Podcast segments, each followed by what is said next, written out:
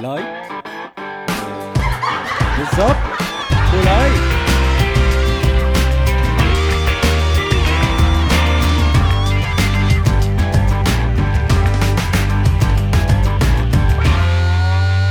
مساء الفل.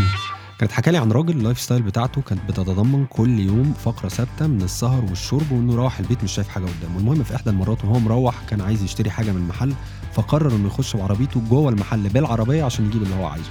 طبعا كانت النتيجة مأساوية جدا ودمر نفسه ودمر العربية ودمر المحل المح... الحمد لله كل الحاجات دي اتصلحت بعد كده. ولكن الظريف في الموضوع انه هم بيخرجوه من جوه لبره على نقالة وقف كل الناس وقال لهم لو سمحتوا يا جماعة أنا خدت بالي إن رادياتير العربية بينقط. فما كان من ابنه في الموقف ده غير إنه يقول له هشوفه لك حاضر يا بابا. اللي عايز اقوله لك من القصة دي انه في حاجات كتيرة قوي في حياتنا ممكن نقف عندها ونقول هشوفها لك حاضر أو هشوفه لك حاضر عشان نخلص ونعدي اليوم.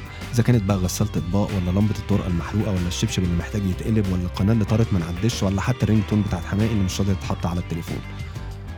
هشوفه لك حاضر وزقوا معانا الأسبوع ده. خلي end